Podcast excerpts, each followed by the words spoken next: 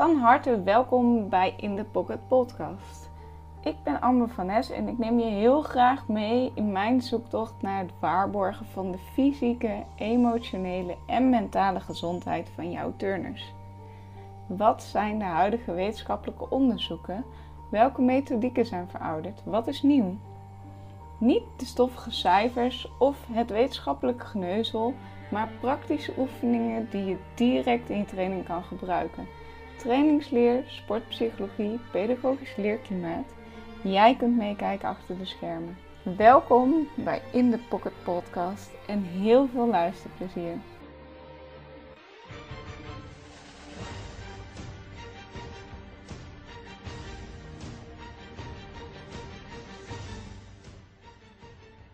Welkom Beppie bij In The Pocket Podcast. Um, wij kennen elkaar van de gymnastiekvereniging Ars hier in Eindhoven, waar ik training heb gegeven.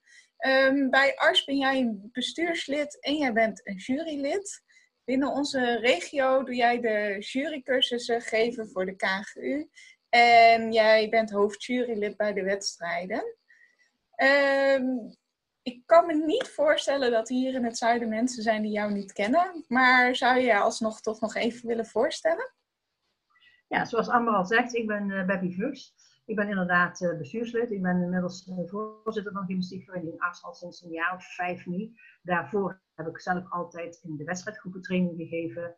Maar vanwege mijn lichamelijke klachten en mijn leeftijd ben ik daarmee gestopt. Toen leek mijn bestuursfunctie wel heel erg leuk. En daarnaast ben ik ook uh, jurylid. Ik ben uh, nationaal jurylid, dus ik kom ook in, uh, in heel het land om te jureren. En in de regio ben ik vaak als hoofd van de wedstrijdjury achter de wedstrijdtafel. Ja, het ligt nu allemaal even stil. En in het wedstrijdseizoen ben ik daar inderdaad bijna elk weekend. Maar dat valt ook wel mee, want ja, op de andere weken is het wel vrij meestal. En het wedstrijdseizoen dat loopt van, nou, laat ik zeggen, oktober tot en met juni. Dus ja, dan is het wel altijd, daarna is het ook weer, weer rustig. Dan kunnen we weer aan cursussen beginnen, zelf bij scholen, et cetera. Mm. Ja. ja. Ja, en je geeft aan van, hé, ik ga naar die wedstrijden. In mijn ogen ga je daar elk weekend naartoe, maar dat is dus helemaal niet zo. Nee, dat is niet elk weekend. Bijna. In, in het wedstrijdseizoen bijna elk weekend. Eh. Ja. Maar dan praten we inderdaad over een x aantal maanden. Maar daarnaast is het, uh, ja, tot van van, van juli tot en met uh, oktober is het, zijn er eigenlijk geen wedstrijden. Nee. Althans niet officieel in de regio en landelijk dan wordt wel eens uh, ja, uh, hulp en, en, en wedstrijden jureren bij andere verenigingen, zeg maar zeggen. Ja, en we hebben wel eens een clubkampioenschap bijvoorbeeld. Ja, precies, ja. ja. Een aantal vrienden die bij allemaal verenigingen zitten, zou ik maar zeggen, die we, ja, wil je dan zo helpen. Want ja, de juryleden blijven schaars. Ja, helaas.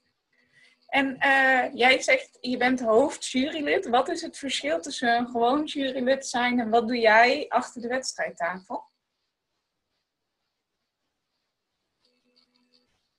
Ik zit vaak dan als hoofd uh, achter de wedstrijdtafel, ja. Ja, en wat is het verschil met, met de mensen die gewoon echt jureren?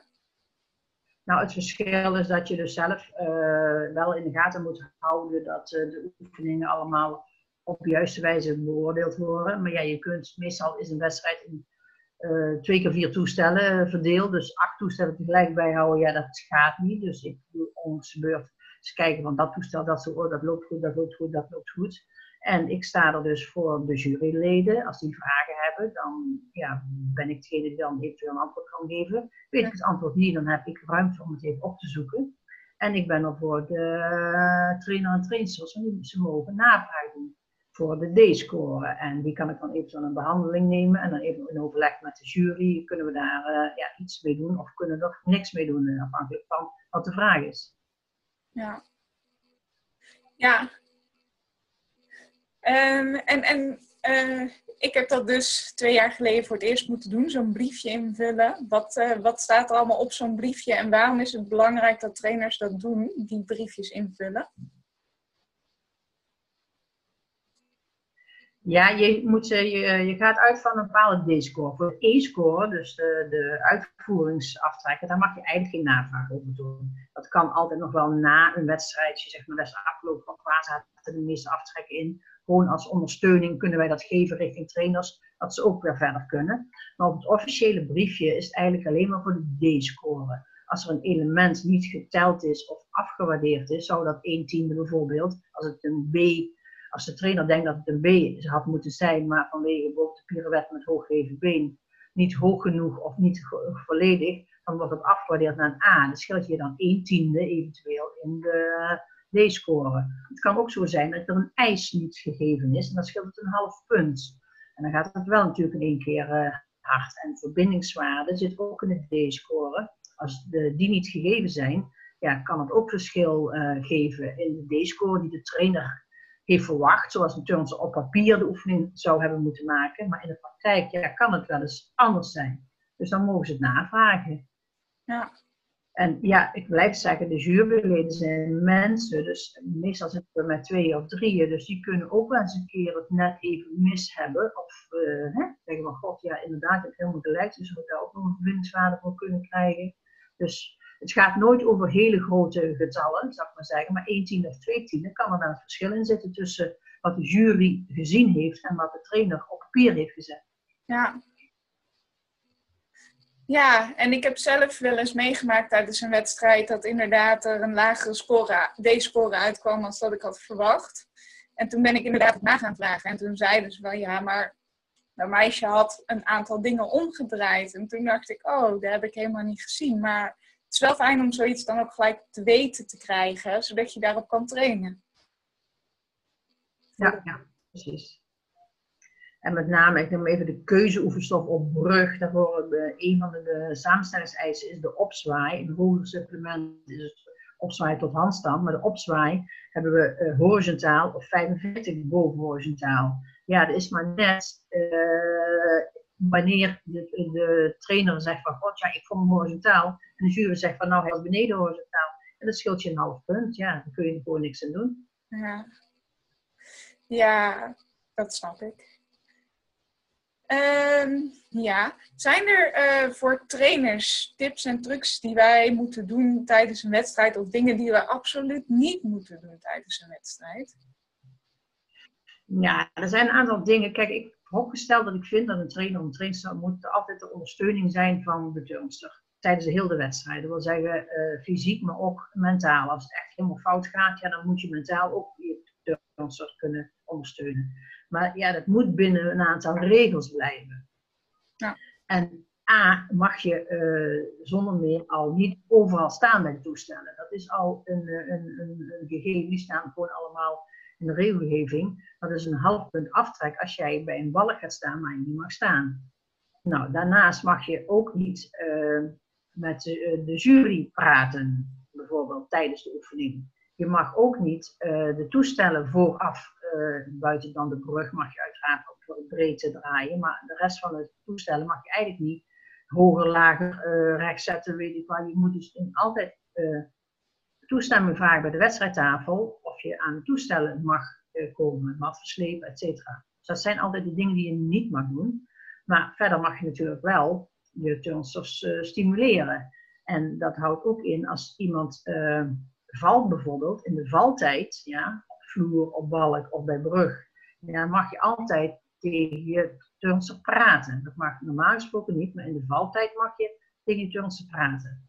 Dus dan zeg je van God, weer op, doet zeer. Nou een beetje bemoedigende woorden. En dan mag ze weer de oefening uh, herstellen. Ja, en ik heb gehoord dat je, uh, jij en jouw collega daar een heel slim trucje voor hadden. Uh, dat als er inderdaad in de valtijd een turnster was gevallen, dat je zei van nou blijf even liggen, want dan mocht je er dus nog mee praten. En dat je dan eerst vroeg van oké, wat is het eerstvolgende element wat je nu gaat turnen? Zodat die turnster even terug kan schakelen van oh ja, ik moet ja, ja. ja, het is eigenlijk geen trucje, het is gewoon omgaan met de regelgeving. Wij weten uh, dat de uh, valtijd gaat pas in bij alle toestellen als de turnster de voeten staat. Dus als een kind met een koprol eraf schiet en ze komt gewoon op de billen terecht en ze blijft even liggen, dan mag jij als, trainster gewoon naar je turnster toe lopen en zeggen van, god, gaat het, hè? En dan kun je dus even zeggen van, of zelf een tip geven van, god, uh, begin nog een keer met je koprol of laat je koprol maar weg, ga daarmee. Of je vraagt aan de turnster, uh, weet je het volgende element? Ja, dat weet ik. En dan, dan, is ze ook alweer bij de les. En dan laat je ze opstaan en dan heb je nog bij ballenbop nog 10 seconden voordat ze er weer uh, op moet klimmen. Ja. Ja, ik vond dat super slim. Dat waren dingen waar ik zelf nog niet heel erg over na had gedacht. En het zijn heel veel van die dingen die jij mij wel hebt geleerd in de tijd. Ja, weet je, het is, kijk, als, als met, met een, een jurybrevet, ja, dan wil je het beide koppelen. Dat geldt ook voor, voor de samenstelling van oefeningen. Wij willen zo goed mogelijk met de gegevens die we hebben vanuit het jurywezen onze turnsters begeleiden en daarvoor ook de oefeningen maken. Dus ja, voor ons is het eigenlijk gewoon allemaal logisch. Uh. Ja, um, maar even teruggaan naar die val van Balk. Um, Daarin uh, heb je ook een aantal regeltjes van hè, je wilt een element niet dubbel turnen. Wanneer is het slim bij een val om een wel te laten doen door de turnster? Wanneer zeg je van nou, ga maar gewoon verder, want het geeft alleen maar meer aftrek als je het nog een keer gaat doen? Ja, dat, dat, is eigenlijk, dat zijn twee heel verschillende dingen als je dan kijkt naar de verplichte oefenstof en de keuzeoefenstof. Okay. Bij de verplichte oefenstof is, pakken we even de, de koprol weer als daar geen voetplaatsing is geweest, dus geen moment van steun, ja, telt hij niet voor de D-score. Ja, heeft je dus drie tiende aftrek. En de val blijft uiteraard staan voor een punt. En dan eventueel een technische aftrek. Ja. Laat je het, uh, is hij helemaal niet gemaakt, ja, als je hem helemaal overslaat, dan zeg van god, uh, uh, laat die koprol maar helemaal weg, want, want ja, er zit nog helemaal niet in haar. Hè? zover is ze nog niet. En dan heeft ze angst voor, dus dan gaat de rest ook slecht. Dan ben je twee punten kwijt, neutraal, omdat de hele element wordt weggelaten. En ook onder andere drie tiende in de D-score, want hij is niet gemaakt. Ja. En bij een koprol, als je dan zegt, ja, ze is er afgevallen en er is geen voetplaatsing, dus hij telt niet, dan zou je voor die drie tiende, want hij is wel gemaakt, ja, voor die drie tiende in D-score, zou je hem willen herhalen. Maar de kans dat ze dan weer eraf valt, is natuurlijk groot. Dus bij een koprol zeg ik nooit uh, herhalen. Oké. Eigenlijk bij de verplichte oefenstof is herhalen, uh, ja, niet, niet, niet, ja, dat geeft eigenlijk geen extra punten, want het gaat steeds maar over drie tienden. Herhalen wil zeggen, uh, hij telt niet voor de D-score, ja, dus die drie tienden ben je kwijt. Maar als je hem herhaalt en hij, hij telt dan wel, ja, dan win je drie tienden. Maar ja, die drie tienden zitten ook best wel vaak in de aftrekken, technisch, et cetera. Overslaan is twee volle punten, dat is het ernstigste. Ja. Maar bij uh, keuzeoefenstof, dat is een heel ander geval, want dan moeten ze een x aantal eisen maken en ze moeten, uh, ja, wat zeggen, ze moeten ook een aantal elementen maken. Als je nou bijvoorbeeld een ratslag op de balk, maar ik bij de balk blijven, een ratslag op de balk en er is geen voetplaatsing, ja, dan is er dus geen ratslag gemaakt. En ze valt er dus af, ze plaatst helemaal geen voet, dus ja, die val blijft uiteraard staan. Maar de inzet is gewoon helemaal niks eigenlijk. Dus dan geldt het ook dat je je samenstellingseisen van bijvoorbeeld een acrobatisch element, door of tot handstand, een acrobatisch element van A, die zou je dus allebei missen. Dan mis je dus twee keer een half punt. Kijk, dan wordt het wel interessant om te zeggen, doe hem nog een keer over. Met de hoop dat je dan wel een voetplaatsing hebt. Sterker nog, als de oefening er zo in elkaar zit dat je maar een minimaal aantal elementen hebt, ja, als je bijvoorbeeld zeven moet turnen en je maakt er maar zes, en die ratslag zou het zesde zijn, ja, en die wordt niet goed gemaakt, dan zit je al meteen dat je dus twee elementen mist, en dan gaan we naar vier punten neutrale aftrek. Dus ja, je moet constant blijven schakelen. Wat maakt de turnster? Ja? Hoe kan ik mijn oefening... Ik heb altijd mijn, mijn, turnsters opgevoed met plan A en plan B. Ja? Als alles goed gaat, hebben plan A. Gaat het iets niet goed, moeten we even schakelen plan B. Dat geldt ook voor de gymnastische serieopballing bijvoorbeeld. Eh, als je bij de eerste sprong eraf valt, ja, dan moet je even denken. Dan moet je die niet, niet overdoen, maar die telt toch niet. Maar dan moet je dan een andere sprong voor in de plaats maken. En dan die tweede sprong doen, voor die ijs weer te halen. Ja. Ja, het zijn heel wat regeltjes allemaal die even bij elkaar moet vegen en zeggen van nou, wat is het beste voor mijn turnster? dit, dit, dit, gebeurt dit niet. Als we dan in een hogere categorie kijken, voor de oefenstof bijvoorbeeld, moeten ze op een gegeven moment een acrobatische serie op balk maken. En dan hebben ze ratslag, ratslag, kalm, bruggetje, bruggetje, kalm. Als ze na het eerste bruggetje eraf vallen, moeten ze niet meer een tweede bruggetje maken. Dan moeten ze proberen om ratslagbruggetje te maken, zeg maar zeggen. Dat ze weer een andere combinatie kunnen maken. Voor die half. Dus zo trainde ik ook altijd van, wat ga je nou doen? En als ze dat dan eraf vielen, dan, dan hadden ze bij mij meteen plan B en plan C. Van, god, oké, deze serie is niet, is niet in eerste, instantie gelukt, dus dan moet ik de volgende maken. Ja, maar dat is wel super slim, want je leert de turns dus ook gewoon gelijk van, oké, maar als dit niet lukt, wat moet ik dan doen op mijn wedstrijd? En als je dat ja, de training herhaalt, dan weten ze gewoon, oké, niet gelukt, volgende. Ja, niks aan de hand. En dan doe ik later doe ik een andere gymnastische serie. Doe ik bijvoorbeeld een, uh, ja, een kansprong wordt ook op ballen. Dus dat is wel makkelijk. Dus we kunnen de kansprong en spagaat maken. Als de saisone eh, mislukt is en is de spagaatsprong mislukt, dan kun je de saisone kattensprong maken. Dan heb je toch die verbinding van een. Ja. ja, en, en ja, je merkt gewoon dat ze zelf wat meer verantwoordelijk worden voor een oefening. Dat ze zelf ook gaan nadenken van oké, het is leuk dat ik die, dat boogje boogje wil, maar ik kan mijn boogje niet. Dus heeft het dan wel zin om plan A te blijven doen als ik toch altijd plan B krijg? Ja. Ook, je moet altijd overleg met je turnsters doen. Ja, zoiets moet je een overleg met je turnsters doen en zeggen, maar god, uh, is het wel haalbaar? Sommigen hebben alleen de rug, sommigen kunnen nooit geen putje maken dan moet je het uit andere dingen gaan zoeken. Ja. Die goed kan, kan kan ook koprol koprol maken bijvoorbeeld. Je ziet ze niet vaak, maar het zou eventueel kunnen als ze uh, als, als aankomen Ja. Ja, dat is inderdaad wel heel mooi. En dan zie je ook dat je heel veel kan puzzelen. En dat eigenlijk in turnen ook best wel een slim tactisch spelletje te spelen valt. Um, ik hoorde jou er net nog iets zeggen over de keuzeoefeningen. Dat je daar een minimaal aantal eisen hebt. Bijvoorbeeld ja. zeven zei je er net. En als je er dan ja. zes turnt, dan ben je nog niet in de problemen. Hoe zit dat? Je hebt uh, vier samenstellingseisen. Er waren er altijd vijf en zijn er nu vier geworden. Per uh, toestel, voor brug, voor balk en voor vloer. En je hebt uh, per die, die vier samenstellingseisen geldt over heel de cyclus, dat zeggen voor alle supplementen. Ja. Maar per supplement ja, kun je, uh, wordt voor de D-score de 8, de 7 of de 6 hoogste elementen geteld. Bij de hoogste supplementen A en B en bijvoorbeeld eh, zijn er 8 en dan loopt zo 8 naar 7 en 6 voor de wat lagere supplementen. En dan mag je één element afwijken. Dus daar waar er 7 gevraagd worden, mag je er 6 turnen om toch gewoon, uiteraard mis je dan waarschijnlijk een tiende van een A die je dus niet geturnd hebt. Maar verder mis je dan niks. Ja. Maar ga je er twee weglaten, ja, twee uh, zo turnen dat ze geen moeilijkheden krijgen, en dat is vaak wat er over het hoofd gezien wordt. Kijk, als ik maar vijf elementen turn, na van zeven, dat is duidelijk. Maar als daar bijvoorbeeld een uh, element bij zit waarvan ik dacht, oh die handstand is twee seconden, het zou een A zijn, maar uh, het is maar een vluchtige handstand, dan komt een TA en ik zit in een supplement waar ze alleen maar A's, B's en C's mogen turnen, dan heeft ze dus wel die handstand gemaakt, maar die krijgt geen moeilijkheidswaarde. Dus daardoor heeft ze een element te weinig.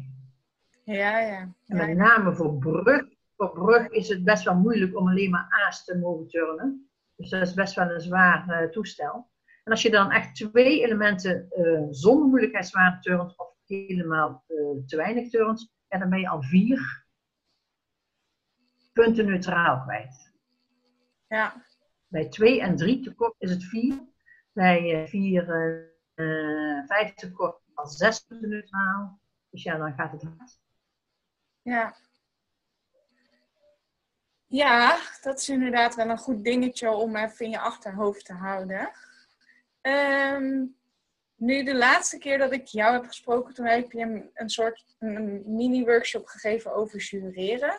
Um, zijn al deze dingen die je nu vertelt, uh, leer je dat gelijk al in je eerste jury cursus, je jurys 1? Nee, de eerste, jury, de eerste uh, jurycursus, de TD1, die is alleen maar verplichte oefenstof op lager niveau. Dus D2, D3 niveau. Dus dan leer je alleen maar eigenlijk de verplichte oefenstof. Dan krijgen we TD2.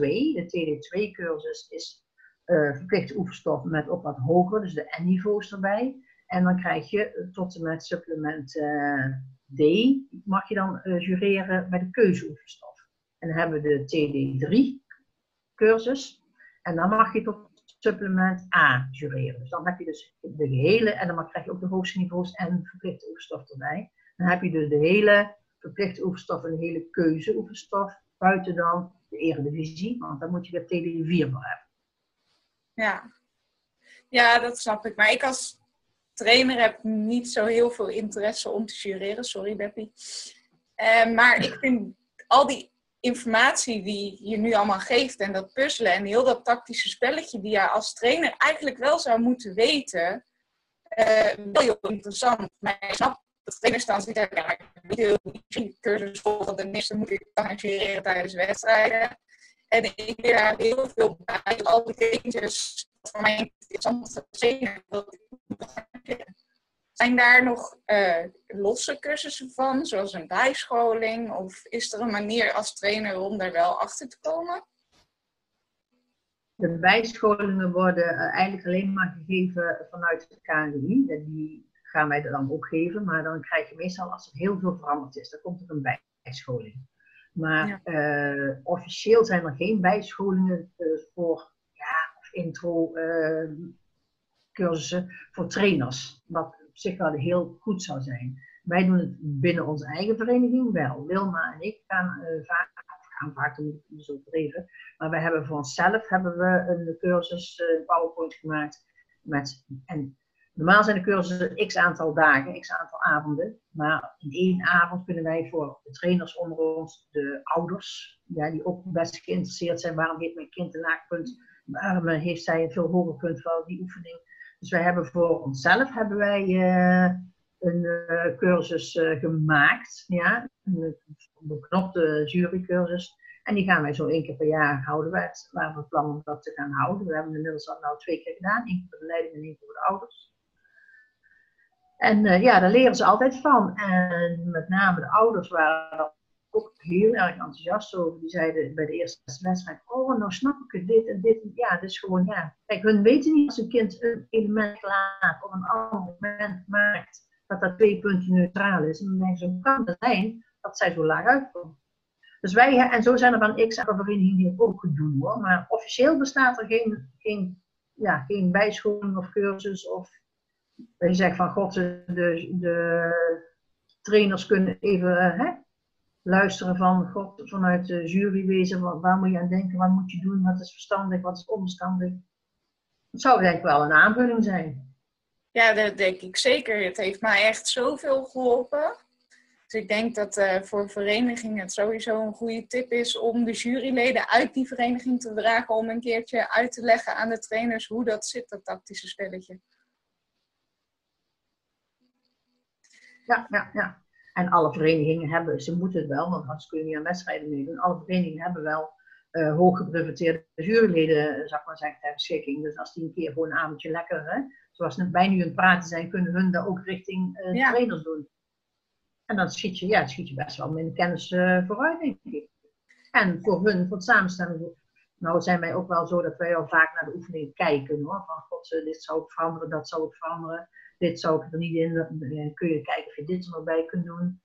Um, onze turnsters bij, bij Arstan gaan bijna altijd op wedstrijden, ja, buiten dit jaar helaas, dat wij ze niet nagekeken hebben. Zeggen van, god, we hebben zelf eerst een onderling wedstrijd, dan kijken we even, oh, dit moeten we veranderen, dat moeten we veranderen, dit klopt niet. Hè? Vooral als van niveau overgaan, moet je even kijken of de oefeningen goed zijn, wat er aangesleuteld kan worden, vanuit het oogpunt van, van echt jury, zal ik maar zeggen. En meestal komen wij dan een paar avonden naar de zaal en dan uh, gaan we met het blok en met onze reglementen gaan we even alles uh, nachecken. Ja, ja, dat was altijd super fijn. um, ik heb nog uh, twee dingen die ik in de zaal wel eens tegenkom, waarvan ik nog altijd denk van hoe zat het ook alweer? en dat is met sprongen. wat ik altijd een discussie heb, is als je bijvoorbeeld een wisselspagaat doet. Je landt op je rechterbeen en je zet een stap met je linkerbeen om vervolgens weer door te gaan. In mijn idee is het, je zet met twee voeten af, maar het is uh, een, een element zonder tussenstappen, toch? Dan kan je hem gelijk verbinden op die manier. Maar ja, waar zit nou, mag ik stap stap zetten? Mag ik maar één stap zetten? Uh, ja. Ja, er is een, uh, nou, nou raak je een punt die heel erg moeilijk is voor heel veel mensen, ook nog voor juryleden. Ja? De wisselspagaat, en is de inzetbeen bijvoorbeeld rechts, en dan land je op het andere been. Dus als je daar direct een sprong achter zou maken, ja, dan zou je de inzet met je verkeerde, laat maar even zeggen, verkeerde been en je mindere been moeten doen. Ja? Dus bij een wisselspagaat ja, is het toegestaan om één pas te maken. En dan bijvoorbeeld door te gaan met de spagaatsprong. Ja. En dan telt hij maar drie passen, is dus niet toegestaan. En twee passen wordt meestal niet gemaakt, want dan zit je weer met je verkeerde been voor. Dus het is wisselspagaat, pas, spagaatsprong of hulphoeksprong of net wat je voor je verbinding wilt, uh, wilt maken. Ja. En bij alle andere is het wel zo dat je dus eigenlijk moet direct verbonden zijn. Ja, en dan hebben we het dus over een landingsbeen en een pas. En normaal is het landingsbeen gelijk door en bij de wisselsplaats landingsbeen pas door. Ja. Ja. Als je ze dus omdraait, om maar even terug te komen weer op die wisselspagaat en spagaat. Als je de spagaatsprong maakt, ja, dan moet je dus direct inzetten voor je wisselspagaat. Dus als je ze omgekeerd turnt. Dus wisselspagaat, dan mag je die pas zetten voor de spagaat. Maar maak je spagaatsprong, dan ga je automatisch meteen door met de juiste voet voor de wisselspagaat. Ja. Ja, en dan je dus echt in die wisselspagaat dat je dus, ja, Ja, en als je bijvoorbeeld een spagaatsprong doet, je landt op je ene been, je zet je tweede been bij om een hurksprong te doen. Iets, gewoon een statisch ja, dat mag wel. Ja, een wisselspagaat wel, ja. Ja. Um, en er was ook iets wat jij mij hebt verteld, is dat um, bij de verplichte oefenstof staat er op een gegeven moment dat je een doen naast links. En, en daarbij zei je van oké, normaal moet je uh, de verplichte oefenstof volgen, maar je mag wel altijd met je voorkeursbeen beginnen. Dat klopt. Daar waar het in de oefenstof staat, uh, er staat meestal per blokje. Dan staat uh, we gaan ervan uit dat er links en rechts geturnd moet worden. Ze willen de beide benen zo, ja, net zo goed ontwikkelen. Iedereen heeft natuurlijk wel een voorkeursbeen, maar door toch een beetje hè, gelijk te trekken, willen ze daardoor dat links-rechts turnen. Hebben ze eigenlijk al sinds acht jaar in het leven geroepen. En je mag met je voorkeursbeen beginnen. Houd wel in dat je dat hele blokje, wat er staat, zou ik maar zeggen, van met de choreografie erachter, et cetera, ook in diezelfde volgorde moet blijven turnen. Je mag dus met je voorkeursbeen beginnen en dan moet je volhouden tot het einde van dat blokje weer. Dus je mag niet tussentijds met het andere been dan even, want anders zou je straks weer uh, links en rechts niet uh, turnen. En dan uh, links-rechts niet turnen, geeft ook weer aftrek. Drie tienden in de D-score en één punt neutraal als je beide benen aan dezelfde kant. Dus je mag gewoon vrij beginnen met je been, maar je moet het wel heel het stukje, de tekst en de, wat er staat, zal ik maar zeggen, meestal staat er met allerlei choreografie erbij, moet je dus wel uh, in die omgekeerde volgorde, laat ik het zo even zeggen, uitturnen. Ja. En bij het volgende blokje mag je weer met een ander been doen. Ja. Ja, dat is wel interessant, want daardoor kom je inderdaad bij de, de, de verplichte oefenstof dat de ene zo rechtsom een vierkantje turnt en de andere zo linksom een vierkantje turnt. ja, ja, ja. Uh, nu we toch bij choreografie zijn, vooral op vloer. Um, wanneer heb je een goede choreografie en hoe zorg je ervoor dat een choreografie bij een turnster past? Ja, dat, dat blijft heel moeilijk. Uh, punt 1 is eigenlijk altijd wel dat de elementen, de bewegingen, die moeten uh, passen op de muziek. Ja, dus die, uh, bij een snelle muziek moet je wat snel turnen, bij een langzame muziek moet je wat langzaam turnen. En als het een, een, een, een soort tango is, ja, dan moet je daar met je bewegingen en met je passen ook rekening mee houden. Moet dus, ja, de muziek moet uh, ondersteunend zijn aan de elementen en aan de bewegingen. Dus, dus niet alleen aan, aan de gymnastische elementen of acrobatische elementen, maar ook aan de bewegingen. Het mag dus absoluut geen achtergrondmuziek zijn. Ja? Dus dat is al heel erg, uh, ja, dat is eigenlijk punt 1. En dan is het ook zo dat ja, we, voor de artisticiteit vragen wij een aantal dingen. Dus een, er moet een bepaalde mimiek zijn, er moet een eigen stijl zijn. Je moet eigenlijk het publiek weten te, ja, op de banken te krijgen, ik maar zeggen. Zo mooi moet je oefening zijn. Dus er moet altijd wel een, een ja. En ja, dat blijft. Sommigen hebben dat van nature en sommigen hebben dat niet. En ja, als turnsters dat niet hebben, eigenlijk, moet je daar ook niet echt een hele moeilijke choreografie van maken. Dan moet je het ook eenvoudig en wat strakker houden. Want anders eh, gaat het helemaal, ja, dan, dan slaat het nergens op, laat ik het zo zeggen. Dus ja, daar blijft, je moet echt inderdaad een oefening maken op de manier waarop de turnster beweegt. En dan zou je dan ook eigenlijk de muziek voor moeten uitzoeken.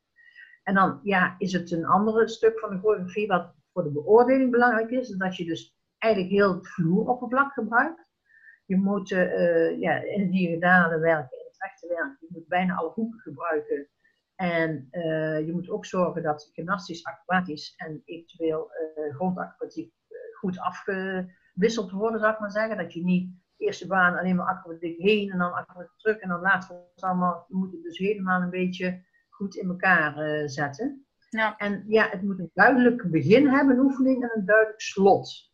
En dan moet er eigenlijk nog ergens een hoogtepunt in zitten, officieel. Maar ja, dat is bij, bij veel natuurlijk uh, nog niet uh, in vragen. En het slot en het begin uh, mag tegenwoordig ook niet meer zijn dat het begint meteen met een, een acrobatische serie bijvoorbeeld. Je mag niet eindigen met een acrobatische serie. Je moet daarnaast en daarvoor, dus bij het begin en bij het einde, moet je altijd een beetje choreografie, een beetje beweging doen. En dan pas mag je je begin maken of je einde, na je einde moet je dat dus ook uh, doen. Het is niet arm je flikbak, maar salto, staan, klaar, is klaar. Nee, er moet dan een beetje nog grondacrobatiek of gymnastisch of iets moet er nog achterkomen. En dat is allemaal vanwege, ja, de mooiheid van de oefeningen. Het blijft heel moeilijk om te beoordelen. Dat vind ik ja. zelf Ja, dat snap ik wel. En dat is ook heel subjectief natuurlijk. Dus dat wordt ook gewoon heel lastig om daar één lijn in te trekken. Maar um, je zou dus bijvoorbeeld niet aanraden, stel iemand begint al hier in de hoek, dat je zegt van oké, je doet hier een arm rechts, een arm links, start, uh, gaan naar je acrobatisering, maar dat je zegt van begin even hier, zet in ieder geval drie passen die kant op en wel als die kant op. Ja, ja. of uh, maak daar en dan maak er een pirouette tussen en dan een leuk bewegingje en dan pas vertrekken voor je eerste serie, ja. Ja, duidelijk. Um, ik kijk even naar de tijd en we zijn al flink uh, een half uur bezig. Um, zijn er dingen die we nog niet hebben? Je weet, hè? als ik eenmaal begin over turnen en jureren, dan... Hè? Dat... ah, dat mag, dat mag. Ik heb alle tijd, maar... Uh, um, Maar zijn er dingen die we nog niet hebben besproken waarvan je zegt van nou dat vind ik wel heel belangrijk nog even te benoemen? Of een wisseling in de regelgeving waarvan je zegt... Ja, ik denk voor, voor, voor, uh, voor de trainers onder ons, zou ik maar zeggen, zeg ik altijd, uh, niet te veel fixeren op de D-score. De D-score is voor ons nog steeds maar een klein gedeelte van het hele punt. Uh, de E-score is altijd nog veel groter, die 10 punten.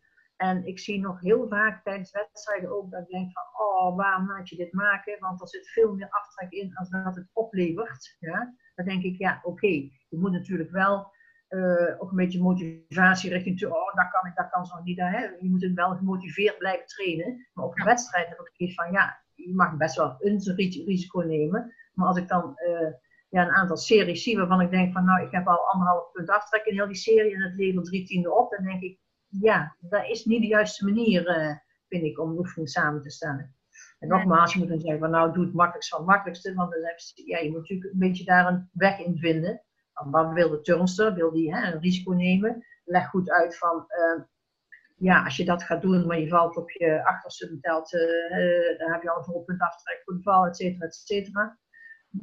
Maar ik denk dat er nog best wel vaak uh, in de regio's ook te zware oefeningen geturnd worden voor het niveau wat ze eigenlijk aankunnen, laat ik het dan zo zeggen. Ja. En ik zeg al, kijk, je zegt van oh, ik maak een B en een C, dan is twee tiende, drie tiende, maar ja, als daar een half punt aftrek in zit, ja, dan ben je, hè. Dus, uh, ja. Dit is nog een tip waarvan ik zeg van, kijk goed naar je oefening. Niet altijd een uiteraard als ze mooie verbindingen kunnen maken en ze mooi, maken mooie elementen laten doen. Maar kijk ook even naar de aftrekken die er ongetwijfeld in zitten en wat het dan oplevert en wat het dan kost. Ja, ja ik heb... Puur, oh, sorry. Dat is een puur jurylid, hè, wat, wat nou praat. Hè?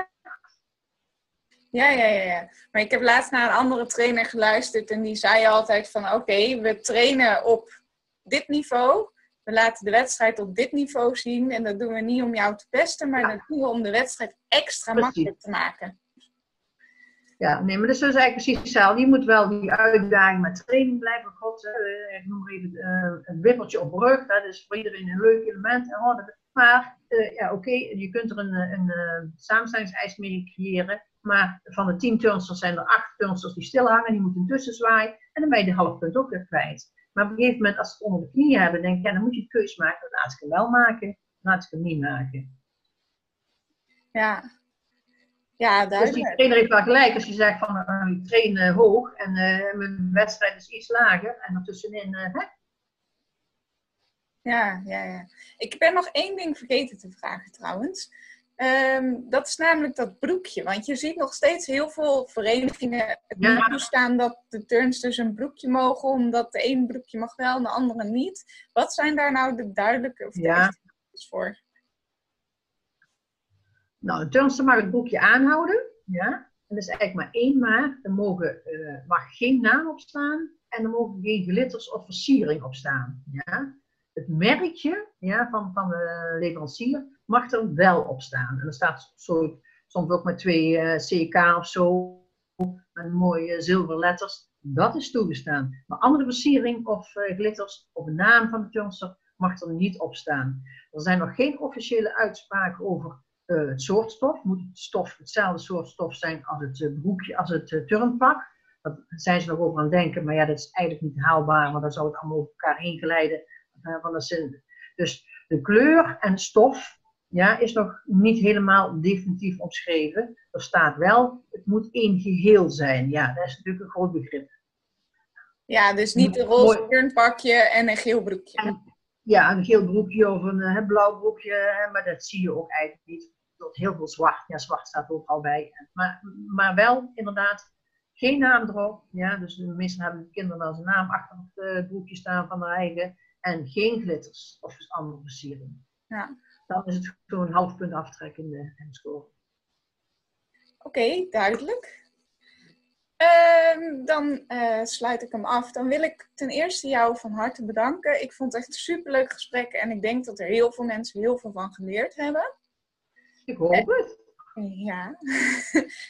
um, als mensen met jou in contact willen komen, heb jij een e-mailadres waar zij jou kunnen bereiken? ja, ze kunnen mij altijd, en als ze vragen hebben over jureren of over oefeningen of over uh, dingetjes, ja, dan mogen ze mij altijd benaderen. En het liefst inderdaad per mail, want dan kan ik ook meteen uitleggen of een tekeningetje bij maken. Als het, uh, dat is voor mij het meest makkelijke. Dus uh, bvugts.kpnmail.nl Ja, en dat is B, V, U, G, T. B van Bernhard. Ja. Victor, Utrecht, Gerard, Tinus Simon. kpnmail.nl Duidelijk. Oké, dan uh, wens ik jou nog een hele fijne dag toe. Dankjewel. En uh, wij zien elkaar vast wel weer tijdens een... Oké, ja hoor. Doei. Doei. Doei. Dankjewel voor het luisteren naar In the Pocket podcast. Vond je dit een toffe aflevering? Laat dan een 5 sterren rating voor mij achter op jouw podcastplatform. Dit kan op iTunes, SoundCloud, Spotify of via welk platform je deze podcast ook maar luistert. Dat zou ik echt te gek vinden en het helpt mij ook om betere sprekers aan het woord te krijgen. Je kan mij dus helpen door een 5 sterren rating achter te laten of een positief bericht. Vond je wat we zojuist besproken hebben in de podcast super interessant? Dan kan je ook de podcast delen. Dat kan je bijvoorbeeld doen door op Instagram een screenshot te maken en mij daarin te taggen. Als je meer wilt weten over wat ik doe bij trainersopleiding in de pocket, kijk dan zeker even op mijn website www.trainersopleidingindepocket.nl. Daarin geef ik je exact de stappen die nodig zijn voor een fysieke, emotionele en mentale gezondheid van je turnsters. Dit was het voor deze podcast. Ik hoop dat je genoten hebt van deze aflevering en tot de volgende keer.